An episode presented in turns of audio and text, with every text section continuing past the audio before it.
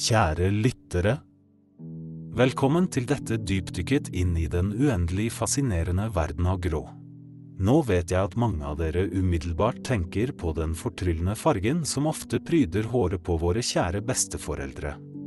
Men har du noen gang stanset opp og tenkt over hvordan dette håret også forteller en historie? En historie om erfaring, visdom og ikke minst timer med strikking. Ja, timer hvor de kun med noen få strikkepinner og en masse garn har skapt magi, eller i det minste varme sokker og tepper. Og siden jeg nevnte te, har du lagt merke til hvordan noen tier, spesielt når de er litt for svake, kan ha en svakt grålig farge? Hvorfor det? Er det fordi teen prøver å fortelle oss noe? Eller kanskje den bare ønsker å være litt mer sofistikert, litt mer som en besteforelder? Men vent, la oss ikke la teen stjele rampelyset. Tilbake til grå. Grå, som ligger mellom svart og hvitt, representerer ikke bare en farge, men en tilstand. En mellomting, et sted der ting ikke er helt klare, men heller ikke helt uklare. En perfekt beskrivelse av hvordan jeg føler før min første kopp kaffe om morgenen. Og mens vi er i denne grå sonen av undring og nysgjerrighet, må jeg bare si, fra hjertets dypeste krok, en ekstremt overdreven, hjertevarm takk til de 21 unike, fantastiske, absolutt forbløffende menneskene som allerede har abonnert på denne podkasten. Jeg mener, wow! Du 21 er som sjeldne grå diamanter i en verden av vanlige krystaller. Dere gjør dette universet av grått enda mer glitrende. Og for de som ennå ikke har hoppet på dette toget av monokrom magi, hva venter dere på? Trykk på den abonner-knappen. Og hei, hvis det er noen av dere som har noen ideer til kjedelige temaer, temaer så kjedelige at de kan få maling til å tørke raskere uvel, send dem inn til oss. Send en e-post til verdens kjedeligste pod, at gmail.com. Vi kan knapt vente med å høre fra dere. Så, før vi dykker dypere inn i grottens verden, ta en dyp pust, kanskje en slurk av den grå teen, og forbered deg på en reise som Vel, la oss bare si at den vil være verdt hver gråtonede sekund. Du vet, når du våkner om morgenen og ser den der duse, grå himmelen, kan det være like inspirerende som å stirre på en stein. Eller kanskje enda mindre inspirerende. For hvorfor kaller vi det for morgengrå, egentlig? Er det fordi solen bare ikke har fått sitt morgenkaffein og fremdeles føler seg litt lunken? Men vent, la oss ta en tur inn i fysikkens verden. Når solen reiser seg, slynger den lys gjennom atmosfæren, og avhengig av vinkelen kan vi få alle slags farger, rosa, oransje og ja, grå. Nyanse nummer én, kan man si. Det er som om himmelen prøver å si, god morgen, verden, jeg er ikke helt klar ennå, gi meg et øyeblikk. Men før solen bestemmer seg for å gjøre dagen litt lysere, hva med frokost? Er du en av dem som elsker de der frokostblandingene? De med massevis av farger? Men har du lagt merke til hvordan noen av dem, spesielt i sunnere variantene, har en tendens til å være litt, vel, grå?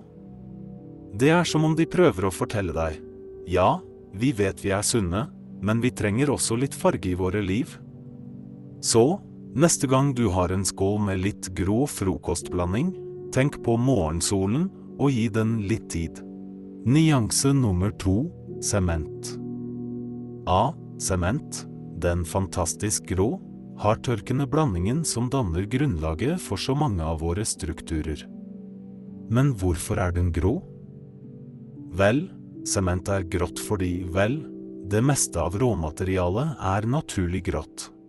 Kalkstein, leire, skifer Når alt dette beiks sammen i en stor, roterende ovn, får du grå sement. Men, nå lurer du kanskje på, hva har dette med fløyelskaker å gjøre? Ikke mye, egentlig, men la oss tenke litt utenfor boksen her.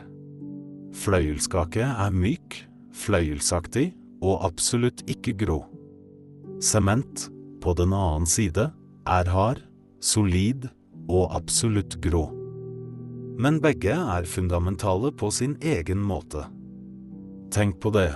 En bygning uten sement er som en bursdagsfeiring uten fløyelskake. Og det, mine venner, er en tanke ingen vil tenke. Elefanter. Er det bare meg? Eller tenker alle andre også på disse gigantiske, vennlige skapningene hver gang de ser en grå farge? Nyanse nummer tre, om du vil.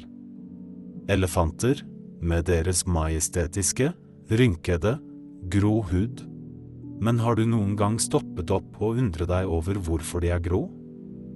Er det fordi grått er inne i elefantverden denne sesongen? Eller kanskje det er deres naturlige solkrem? Men vet du hva som fascinerer meg mest? Deres plass i barnebøker. Har du noensinne lagt merke til hvor ofte en elefant er hovedpersonen i en barnebok? Kanskje fordi de er store, kloke og har de lengste snutteene i dyreriket. Fra grått til sølv. Nyanse nummer fire tar oss fra en enkel grå farge til glitrende sølv. Tenk litt på det. Sølv er som grått, men med litt ekstra jazz. Men vent litt, hva tror du romvesener tenker om farger? Forestill deg et romvesen som lander på jorden. De ser rundt seg og bemerker alle fargene. Men kanskje grå sølv er de mest fascinerende for dem? Kanskje for dem er sølv bare en shiny versjon av grått? Eller kanskje de foretrekker neongrønt? Uansett, neste gang du ser på et sølvobjekt, husk at det kanskje er en romvesens favorittfarge. Skyenes hemmeligheter. Og nå til nyanse nummer fem. Skyer. De vakre, flytende putene som svever over oss. De kan være hvite, de kan være mørke, og ja, de kan være grå. Men har du noen gang tenkt på hvorfor skyer blir grå? Det er som om de har samlet all tristheten i verden, klargjort seg for å gråte i form av regn. Men la oss ta et skritt tilbake. Hva om skyer har følelser? Kanskje de blir grå fordi de føler seg litt nedfor den dagen? Kanskje de bare trenger litt tid for seg selv? Så, neste gang du ser en grå sky, Gi den et vennlig nikk og send litt positive vibber dens vei. Hvem vet, kanskje den lyser opp litt etterpå?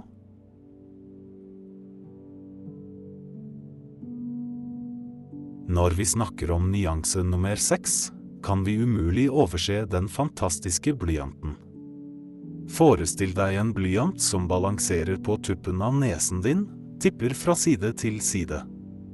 Merkverdig, ikke sant? Blyanten, denne trekledde skjønnheten, som med lette steg danser over papiret og etterlater seg et spor av grått.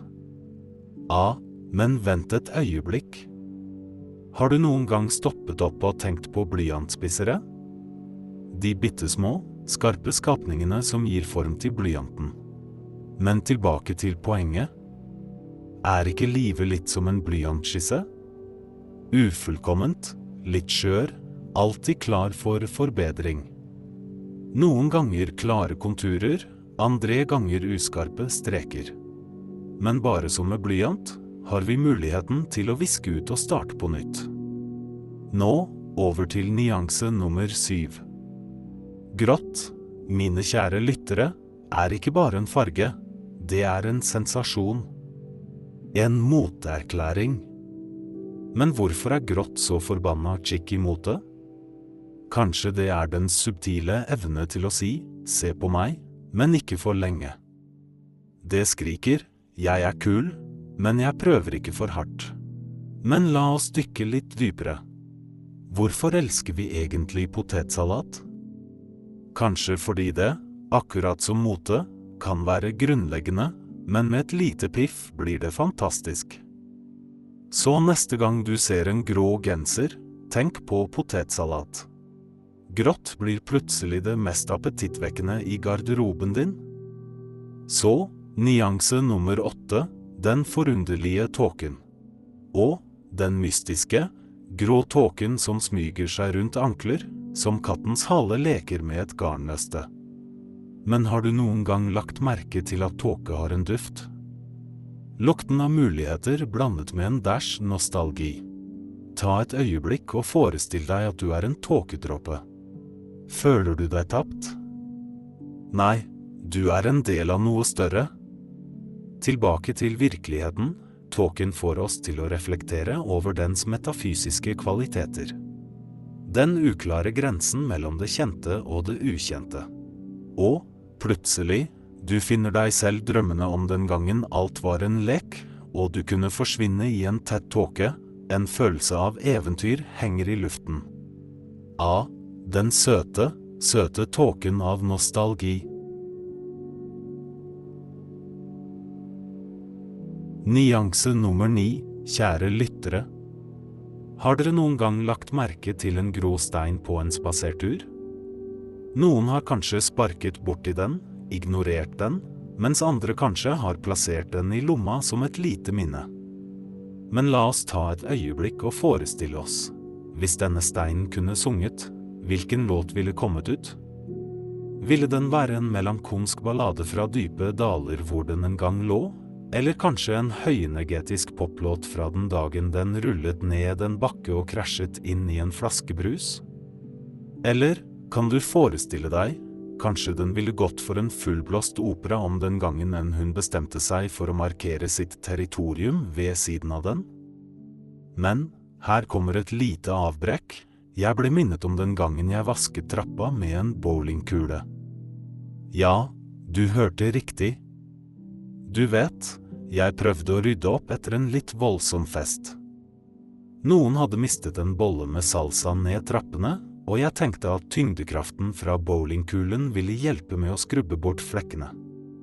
Det fungerte forresten ikke, men det var verdt et forsøk. Tilbake til saken. Nyanse nummer ti. Grått i kunst. Fra skyggefulle skisser til mystiske malerier Grått har vært kunstens stille hjelper. Men snakk om kunst, har du hørt om potetkunst? Det høres kanskje rart ut, men potetkunst er faktisk en ting. Forestill deg det, skulpturer og malerier, alt laget av poteter. Det fikk meg til å tenke på onkelen min som prøvde å åpne et galleri dedisert kun til potetkunst. Han sa alltid at poteter var, jordens diamanter. Dessverre var det ikke stor etterspørsel etter potetskulpturer av kjente kjendiser, men han er fortsatt overbevist om at det vil ta av en dag. Og så, nyanse nummer 11, graffiti. A. Den stålte grå veggen som bare står der og venter, kanskje håper på at noen vil gi den litt farge. Men har du noen gang tenkt over hvordan en vegg ville følt seg om den hadde følelser? Ville den blitt opprømt ved synet av en ny fargerik graffiti, eller ville den følt seg invadert? Og siden vi snakker om rare tanker, husker jeg da jeg prøvde å kommunisere med veggen på rommet mitt som tenåring.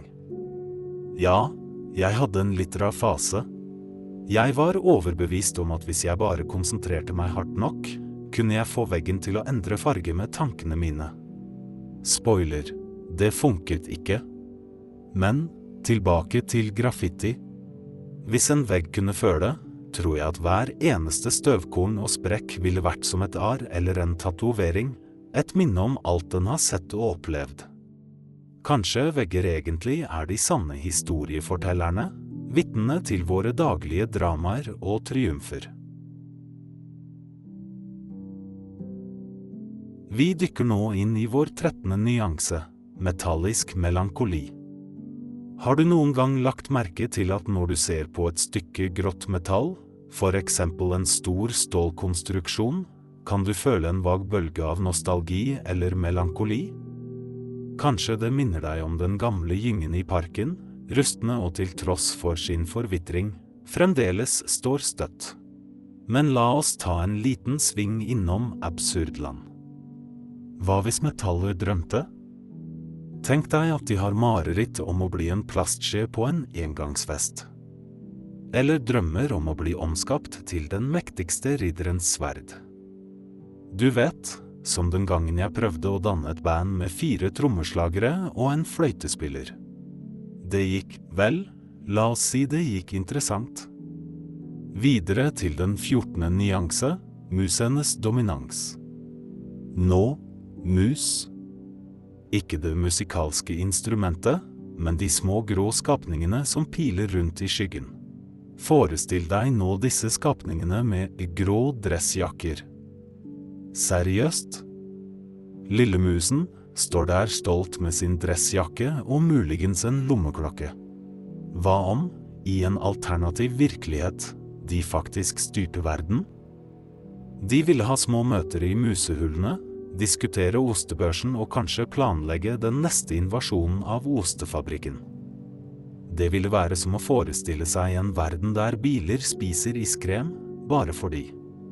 Sist, men ikke minst, den 15. nyanse gir oss et blikk på grått papir. Det finnes en spesiell sjarm i gamle bøker og dokumenter som har mistet sin opprinnelige hvithet. Men har du noen gang hørt om det mystiske biblioteket der alle bøker er grå? I en avsidesliggende landsby sies det at det er et bibliotek som kun inneholder grå bøker.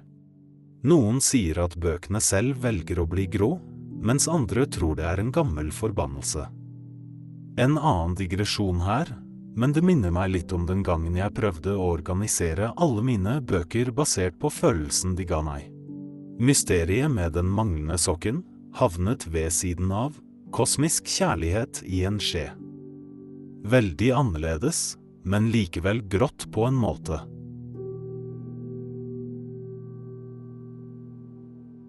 Nå, i vår 16. nyanse, la oss utforske et tema som berører mange av oss – grått hår. Har du noensinne lurt på hvorfor hår blir grått? Ja, Vitenskapen vil raskt peke på genetikk og aldringsprosessen, men hva hvis det er mer enn det? Kanskje hvert grått hår representerer et visdomsøyeblikk. Eller et øyeblikk av glemsel? For, vet du, visdom kommer ikke bare med årene, men også med alle de ganger vi glemmer hvor vi la nøklene. Som den gangen jeg lette i timer, bare for å finne dem i fryseren. Hvorfor var de der? Ingen anelse. Men det fikk meg til å tenke på alle de aldersrelaterte mytene, som at man ikke kan lære en gammel hund nye triks. Kanskje det er samme logikk bak hvorfor bestemor aldri kunne forstå hvordan fjernkontrollen fungerte? Videre, i den 17. nyansen, hvem hadde trodd vi skulle finne oss selv stirre på bokhyller? Ja, de stille, ofte grå, vokterne av litteratur. Noen ganger lurer jeg på om de drømmer. Tenk deg en bokhylle som drømmer om å være en rutsjebane eller et høyhus. Eller, vet du hva, kanskje den har større ambisjoner. Kanskje den ønsker å være hovedattraksjonen på et kunstmuseum, en bokhylle du kan klatre på, hvor hvert trinn avslører en ny litterær verden. Som en forfatter ville sagt, i en annen tid, i en annen verden. Og nå, i vår attende nyanse, reflekterer vi over stillevann. Noen ganger, spesielt tidlig om morgenen, kan en dam se ut som en speilflate av grått. Men hva skjuler seg under overflaten? Vel, hvis vi tar et dykk, ville vi funnet damfisk, svømmende rolig. Har du noen gang tenkt på hva en fisk tenker på? Jeg forestiller meg at det er dype, filosofiske tanker. Er vannet jeg svømmer i halvfullt eller halvtomt? Eller hva er formålet med livet i denne lille dammen? Kanskje de også har sine egne absurditeter, som damfestivals der de konkurrerer om hvem som kan blåse de fineste boblene. En ting er sikkert, det er mye mer som skjer under overflaten enn det øyet kan se. I vår 19. nyanse finner vi oss på en sti som leder opp mot de grå fjellene. Fjellene, robuste og tidløse, har i årtusener vært stille vitner til jordens skiftende skjebner. Men midt i denne storslagenheten er det en historie om Olaf, fjellklatreren, som bestemte seg for å klatre det høyeste fjellet. Ikke for æren, nei, men for å finne den perfekte grå steinen til sin steinsamling. Tenk deg, etter måneder med forberedelse, å komme på toppen og realisere at steinen du lette etter var ved foten av fjellet hele tiden. En påminnelse om at noen ganger er det reisen som er viktigere enn målet. Eller kanskje bare en påminnelse om at vi alle har våre rare hobbyer. Og så, i vår tyvende nyanse, skal vi vende blikket nedover, til det bløte, fuktige underlaget av mose. A. mose. Det ser kanskje grønt ut ved første øyekast, men har du noensinne lagt merke til dets grå nyanser? Det er som om mosen holder på hemmelighetene fra tusenvis av år. Faktisk, hvis Mose kunne snakke, ville den kanskje vært vår største poet. Hør her, ville den sagt, jeg har sett fotsporene av dinosaurer, kjærlighetshistorier mellom to bladlus og vært vitne til store imperiers fall. Og mens vi er inne på temaet, kan du huske den gangen jeg prøvde å skrive poesi på et mosebelagt tre? Linjene ble borte, men følelsen forble. Endelig, i vår 21. nyanse, lar vi oss dras med av musikkens gråtoner. Noen sanger, noen toner, får verden til å virke mer grå enn vanlig. De fanger essensen av regntunge dager, av ensomhet i en folkemengde. Men mens vi snakker om grå musikk, la meg fortelle deg om The Grey Beats. Dette er et band som, tro det eller ei, kun spiller på grå instrumenter. Ja, grå trommer, grå gitarer, grå mikrofoner. De hadde en gang en konsert i en grå lagerbygning under en grå himmel. Og det mest fascinerende? Ingen av låtene handler om fargen grå. Det får en til å tenke, gjør det ikke? Dykkende dypere ned i vår 22. nyanse vender vi blikket tilbake til stumfilmens grå storhetstid. Husk da filmstjerner levde i en verden uten farge, hvor emosjon og drama ble formidlet gjennom svart, hvitt og selvfølgelig i grått. Men forestill deg et øyeblikk at disse stjernene kunne se farger, men bare valgte å uttrykke seg i grått. Som Greta Garbo. Kanskje hun, i hemmelighet, kunne kommunisere med farger og valgte grå fordi det var den mest uttrykksfulle av dem alle. Har du noen gang prøvd å snakke i grått? Det er ganske utfordrende, kan jeg fortelle deg. Når vi går over til vår 23. nyanse, kan du kanskje lure på forholdet mellom grått og grådighet. Er det noe med fargen som vekker en følelse av begjær, eller er det bare en merkelig sammentreff av ord? Men for å forstå dette bedre, la meg dele en historie om Gloria, skjæren. Gloria var ikke som andre skjærer. Hun var besatt av grå, glitrende ting. Fra gamle mynter til blyantspisser, hun hadde en hel skatt av grå gjenstander. Det ryktes at hun en gang prøvde å stjele en hel grå bil. Men hva lærer vi av Gloria? Kanskje at skjønnhet, eller verdi, virkelig ligger i øyet som ser. Til slutt, i vår 24. nyanse, la oss undres over en verden hvor regnbuen kun består av nyanser av grått. En verden hvor rogbiff ble grgrgr. Hva vil en slik regnbue fortelle oss? At verden er trist og ensformig? Eller kanskje den ville minne oss om at selv i begrensning finnes det utallige muligheter. Ja, Tenk på alle de forskjellige grotonene som eksisterer. Og, mellom oss sagt, en helt grå regnbue ville vært mye lettere å fargelegge. Ikke sant? Når vi glir inn i vår 25. nyanse av grått, kan vi ikke unngå å bli blendet av kromens blanke skjerm. Krom, dette gråmetallet som gir biler, motorsykler og kjøkkenkraner en ekstra touch av klasse. Men visste dere at det en gang ble forsøkt å skape en superhelt basert på krom? Ja da, kromandanten het han. Med evnen til å reflektere enhver fiendes angrep og skinne så lyst at han blendet skurker, ble han raskt glemt for de. Vel, Det er vanskelig å skjule seg når du skinner som en nyvasket teskje. Når vi drar over til vår 26. nyanse, konfronteres vi med de uunngåelige gråsonene i moralen. Vi mennesker, komplekse som vi er, finner sjelden svart-hvitt svar på de store spørsmålene. Men har du noen gang lurt på gråsonene i en blyants liv? Tenk om blyanter føler skyld hver gang de blir spisset. Var jeg ikke god nok som jeg var? Men tilbake til menneskene. Her er ti eksempler på absurde gråsoner. Er det feil å nyte lukten av noens parfyme uten å komplimentere dem? Hvis man bærer en usynlig hatt, bryter man da en kleskode? Er det dårlig oppførsel å spise imaginære cookies i et bakeri? Hvis du snakker til planter, forventer de da svar tilbake? Hvis en sokk går tapt i vask, er det da sokkens eventyrlyst eller vaskemaskinens sult? Hvis du drømmer om at du sov, fikk du da dobbelt hvile? Er det frekt for en klokke å være for tidlig? Hvis du ler av din egen vits før du deler den, er det da en form for tidsreising? Er det uprofesjonelt for spøkelser å gå gjennom vegger på sitt eget hjemsøkte sted? Hvis du kaster en bursdagsfest for en teddybjørn, skal du da invitere alle lekene? Endelig, i vår 27. nyanse, setter vi kursen mot den elegante grogåsa.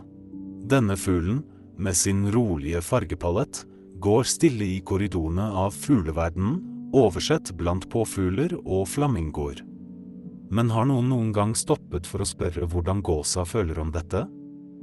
Kanskje den drømmer om en dag å kaste glitrende paljetter i luften, rope se meg nå, mens den danser blant regndråpene.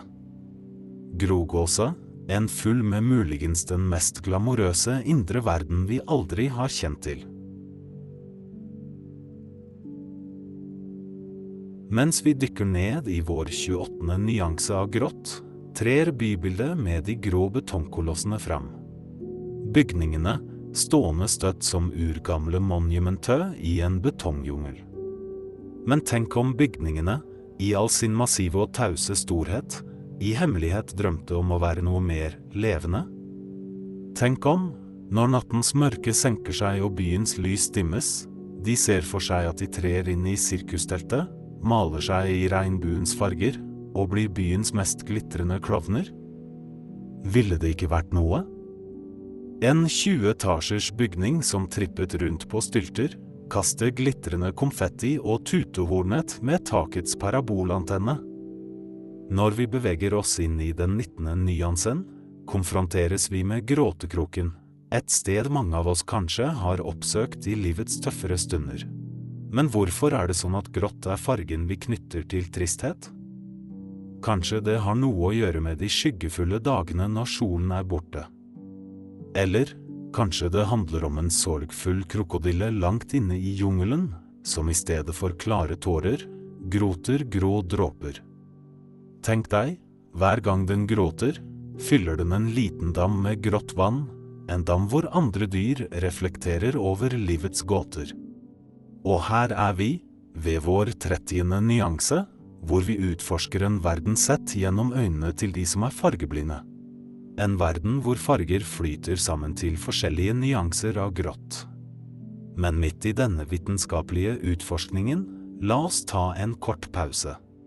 Tenk deg et dyr, kanskje en sjiraff, som ser verden som en gammel stumfilm.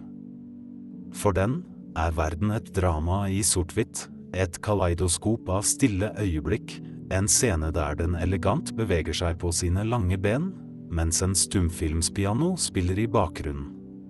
Et sted, i en grå slette, står kanskje denne sjiraffen og drømmer om en tid da verden var i farger, men den er like fornøyd med sin monokrome virkelighet. Askeugrått fra ilden. Asken, den stille, grå påminnelsen om at alt liv kan reduseres til støv.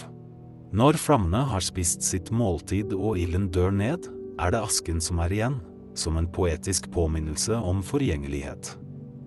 Men midt i denne filosofiske meditasjonen, forestill deg for et øyeblikk en drage. Ikke en hvilken som helst drage, men en som puster aske. Denne skapningen, i stedet for å terrorisere landsbyene med ild, dekker dem med teppe aske, slik at folk kanskje hoster litt, men også blir forundret over denne snille, ildens, budbringer. Den grå havnen, et sted mellom drøm og virkelighet. Havnen, hvor sjeler kommer og går, hvor båter vugger i den evige dansen mellom tidevann og månefaser. Men denne spesielle havnen er grå, verken natt eller dag, et sted mellom virkelighet og drøm. Og i vannet svømmer havfruer, men ikke de typiske, skinnende, fargerike havfruene du kanskje forestiller deg. Nei, disse har grå haler, som glitrer i et spekter av sølv og skifer. Og, siden du spurte, 1.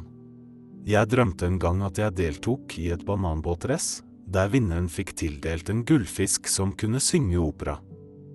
To. I en annen drøm var jeg en astronaut, men i stedet for verdensrommet utforsket jeg innsiden av en gigantisk blåbærpaifylling. Tre. Nylig drømte jeg at jeg ga en forelesning om kvantefysikk til en forsamling av nysgjerrige pingviner, mens vi alle levitærte. Selv om ingen av disse drømmene hadde noe grått i seg, følte jeg bare at jeg måtte nevne dem. For drømmer er som sådan uforutsigbare og ufattelige. Tidens grå hår. Tid er en underlig ting. Den er konstant, men likevel opplever vi den som flyktig. Akkurat som hår kan bli grått over tid, symboliserer grått håret som tegn på visdom, erfaring og selvfølgelig tidens gang. Men kan du forestille deg en klokke, en storslått gammel klokke, som med sitt tiktak minner oss om tidens ubønnhørlige marsj? Denne spesielle klokken har grå visere, og av en eller annen grunn, kanskje fordi den er klar over tidens vekt, blir den litt flau over fargen. I stedet for å stolt vise tiden, gjemmer den seg litt når noen ser på den, som en sjenert tenåring som har fått sin første grå hårsprø. Grå melodi, sangen ingen husker.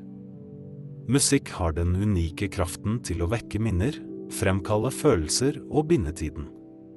Men hva om det fantes en melodi, så grå og unnvikende, at selv om alle kjente den når de hørte den, kunne ingen huske den når den stilnet? Som om tonene smeltet bort i glemselens tåke. Og midt i denne tåkelagte soniske verdenen, tenk deg en liten mus. Ikke en hvilken som helst mus, men en med ambisjoner om å være den neste store heatmakeren. Denne musen hører den grå melodien og blir inspirert til å skrive sin egen låt, men står overfor utfordringen. Hvordan skriver man en hit om noe så unnvikende som grått? Den grå ørkenen, en verden uten farge. Ørkener, med sine endeløse horisonter, kan ofte fremstå som en verden satt i gråtoner, hvor sandens nyanse blir så blendende at den nesten mister sin farge. Men midt i denne sandhavet står det en ensom kaktus.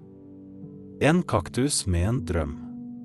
Hver natt, når temperaturer faller og stjernene blinker over, drømmer denne kaktusen ikke om regn eller oaser, men om å være en grå paraply.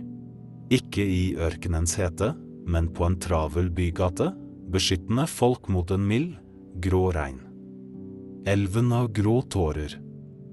Sorg er en elv som kan strømme gjennom sjelen, dypt og grått, reflekterende av smertens dybder. Denne elven er ikke bare vann, men tårer, hver dråpe en historie, en sorg, en tapt tid. Men i denne elven svømmer det en spesiell fisk. Denne lille, sprudlende skapningen ser tristheten i elvens grå vann og bestemmer seg for en misjon. Ved hjelp av sine skimrende skjell og boblende personlighet prøver denne fisken å bringe glede til elven, i håp om at den kan vende gråt til latter, sorg til håp.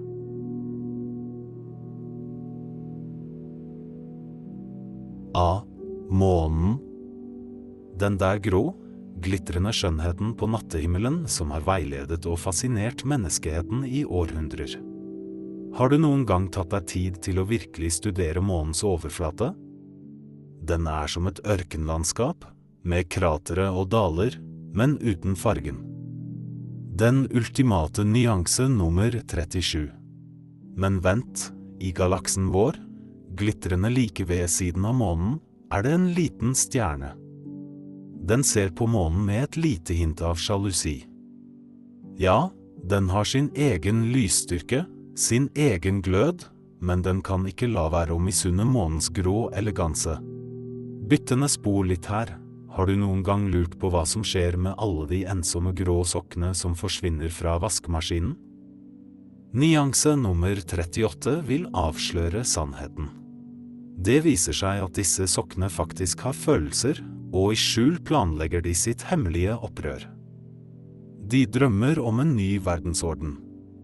Ikke en der sokker forsvinner i vasken, men en hvor alle, uavhengig av alder, kjønn eller bakgrunn, bare har på seg grå sokker hele tiden. Tenk deg det, en verden hvor fotmotet er grått fra tå til hæl. Og nå, kjære lytter, til nyanse nummer 39. Hvor langt ville du reist for et godt måltid? Over fjorder? Over fjell? Hva med utenfor vår egen planet?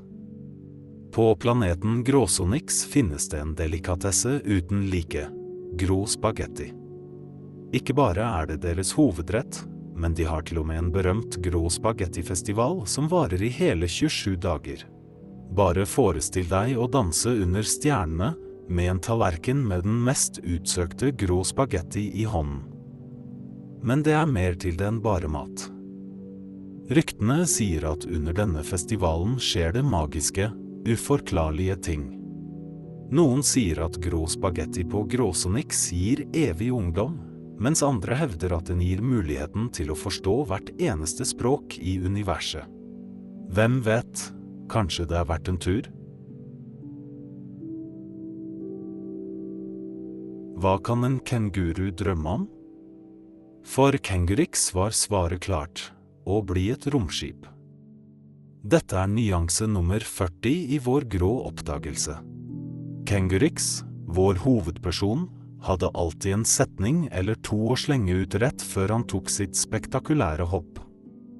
Noen av hans favorittfreisjer inkluderte 1. Til stjernene og enda lenger 2, 3, 2, 1. Kenguruavfyring 3. Hold fast i halene deres, vi går til verdensrommet 4.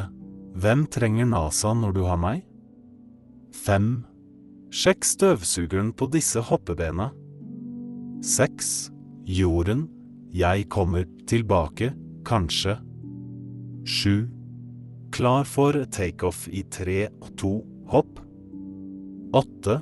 Ser du stjernene? Nei. Vent litt. 9. La oss se hvor høyt en grå rakett kan gå. 10. Neste stopp månen. 11. Romhopp. Her kommer jeg. 12. Hvis jeg ikke kommer tilbake, gi boksen min til lillesøster. 13. Hvem trenger oksygen når du har spredt? 14. Galaksen er ikke klar for dette hoppet. 15. La meg vise deg hvordan romreise virkelig ser ut. Nyanse nummer 41 introduserer en mystisk boks en boks med grå brus. Hvor kom den fra? Og hvem kunne muligens tenkt seg at en grå, kullsyreholdig drikke kunne være en god idé? Ryktene sier at bak denne uforklarlige drikken er et topphemmelig, grått laboratorium, hvor forskere i hemmelighet eksperimenterte med den ultimate nøytrale smaken. Noen sier det smaker som intet. Andre hevder det smaker som, vel, grått. A. Nesehår. Nyanse nummer 42. De små grå helter som så mange av oss undervurderer. Det er ikke bare de som kan bli grå før andre hårstrå, men de spiller også en ukjent, heroisk rolle. Nesehår, mine venner, beskytter oss mot romvesener som er fullstendig besatt av farger. Neste gang du ser ned på et grått nesehår, Husk å takke det for dets urokkelige tjeneste i beskyttelsen av planeten vår. Noen ganger, på de mørkeste nettene, kan man skimte silhuetten av nyanse nummer 43, de grå glitrende enhjørningene som danser under månens skjær. Disse enhjørningene er ikke som noen annen. De kommer fra underverden og bærer med seg en glød som kan lyse opp den dypeste natt. Men hva gjør disse grå enhjørningene når de ikke er ute og glitrer? Ryktet har det at de driver sitt eget undergrunnsdiskotek, hvor skumringsmusikken aldri slutter og dansegulvet alltid er fullt. Reis med meg nå til et land langt, langt borte. Nyanse nummer 44 et sted hvor et massivt slott står stolt og grått, skåret ut av ren, grå ost. Ja, du hørte riktig. Grå ost. Men dette slottet er ikke forlatt. Det voktes av en gigantisk mus i en blendende rustning, som patruljerer korridorene og beskytter sin ostefestning mot inntrengere. Hva gjemmer dette slottet, og hvem ville bygge et palass av ost? Vel, det kjære lytter, er en historie for en annen dag. Så, løft blikket og se opp mot himmelen, hvor nyanse nummer 45 svever fritt. Grå ballonger, som en gang drømte om å skinne som stjerner i nattehimmelen. Disse ballongene hadde store forhåpninger, store drømmer. Men skjebnen, den lunefulle skjøge, hadde andre planer. I stedet for å glitre i det uendelige, endte de opp med å være bare grå. Men i deres gråhet finner vi en påminnelse. Selv i det enkleste, det mest ordinære, ligger det skjønnhet og drøm.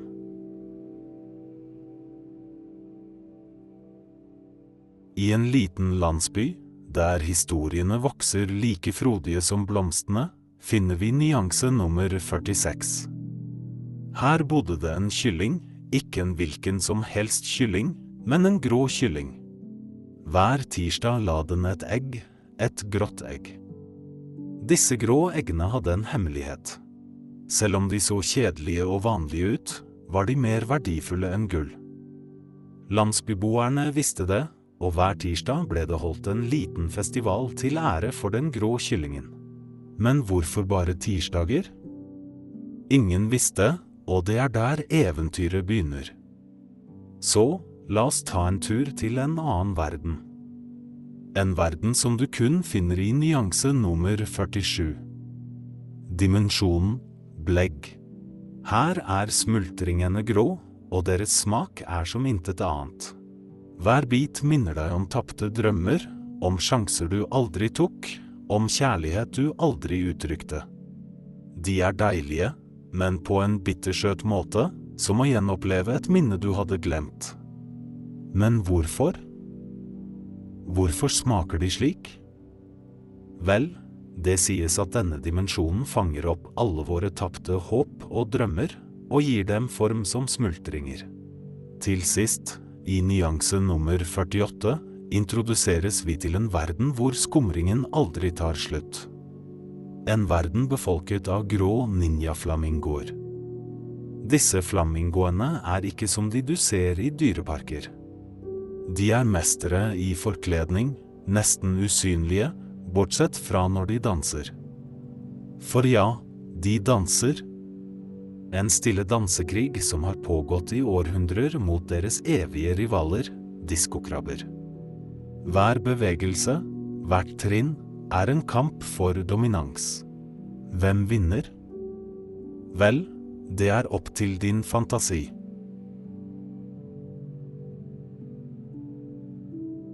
I en tid der farger dominerte hverdagen, var det én ting folk overså. Kraften i nyanse nummer 49, gråtens kraft. Nå, vi alle gråter fra tid til annen, men noen tårer er litt annerledes. Grå tårer, tårer så dype i sorgen at de mister all farge, har en magisk kvalitet. De som gråter dem, finner seg plutselig i stand til å kommunisere med de minst forventede skapningene spøkelsene av utdødde planter. Ja, Tenk deg å få råd fra en dinosaurplante eller visdom fra en forhistorisk blomst. Det gir virkelig, plantemamma, en helt ny betydning, ikke sant? Men, som all god ting må komme til en ende, tar vi en dypt pust og dykker rett inn i nyanse nummer 50. Den store grå finalen. Hvem ville ha trodd at grå kunne være så festlig? Denne feiringen er som ingen annen. Forestill deg en parade av marsjerende båndmasker, hver og en stolt viser frem sin grå prakt. Og hva er en parade uten musikk? I stedet for et tradisjonelt band, har vi et helt symfoniorkester av grå frøer, som spiller melodier så gripende at til og med regnet stopper for å høre på. Fargefest eller bare et annet tirsdagseventyr? Hvem vet, men én ting er sikkert. I denne grå verden er ingenting som det ser ut, og alt er mulig. Og nyanse nummer tolv? Hvordan i all verden kunne det gli meg hus forbi? La oss se. Først og fremst var det den unike dagen da universet bestemte seg for å tulle med tidslinjen, og plutselig gikk samtlige klokker på jorden baklengs. Alt ble kastet ut i kaos, og i forvirringen glemte jeg fullstendig hva som kom etter elleve. Deretter var det denne totalt uventede hendelsen hvor en enorm hær av marsjerende pingviner, bevæpnet med paraplyer og solbriller, invaderte studioet mitt. De krevde fiskesnacks og truet med å danse til evig tid hvis ikke kravene deres ble møtt. Og der, midt i dette pingvinkaoset, kom en tredje distraksjon – romvesener de lander rett utenfor vinduet, hoppet ut av deres skinnende, grå romskip og begynte å spørre meg om veien til nærmeste kafé. Men akkurat som de var i ferd med å gå, sendte en av dem en mystisk stråle mot hodet mitt og slettet, av en eller annen grunn, nøyaktig minnet om nyanse nummer tolv. Uforklarlige hendelser, jeg vet, men tro meg, det skjedde virkelig. Nå som det er avklart, La oss dvele ved nyanse nummer tolv, den grå skyggen fra Fifty Shades-verden. Forestill deg en farge så rik og forlokkende at den frembringer et hav av følelser med bare et blikk. En nyanse som er så sofistikert og mystisk at selv Mr. Grey ville vurdert å bytte ut sitt berømte røde rom med et rom i denne nyansen. Dette er ikke bare en hvilken som helst gråfarge. Dette er en nyanse som har dybden av en klassisk roman, den flertydige kompleksiteten av en gåte og den uimotståelige forfølelsens kraft av et dypt, intenst blikk. Den slår røtter i deg og forlater deg med en lengsel etter å utforske alle dets skjulte avkroker. Når du først har latt øynene dine danse over denne gronyansen, vil du bli dratt inn i dens verden ivrig etter å lese og forstå hver eneste nyanse og hemmelighet den holder skjult. God natt og sov godt. Jeg håper jeg har kjedet deg i søvn.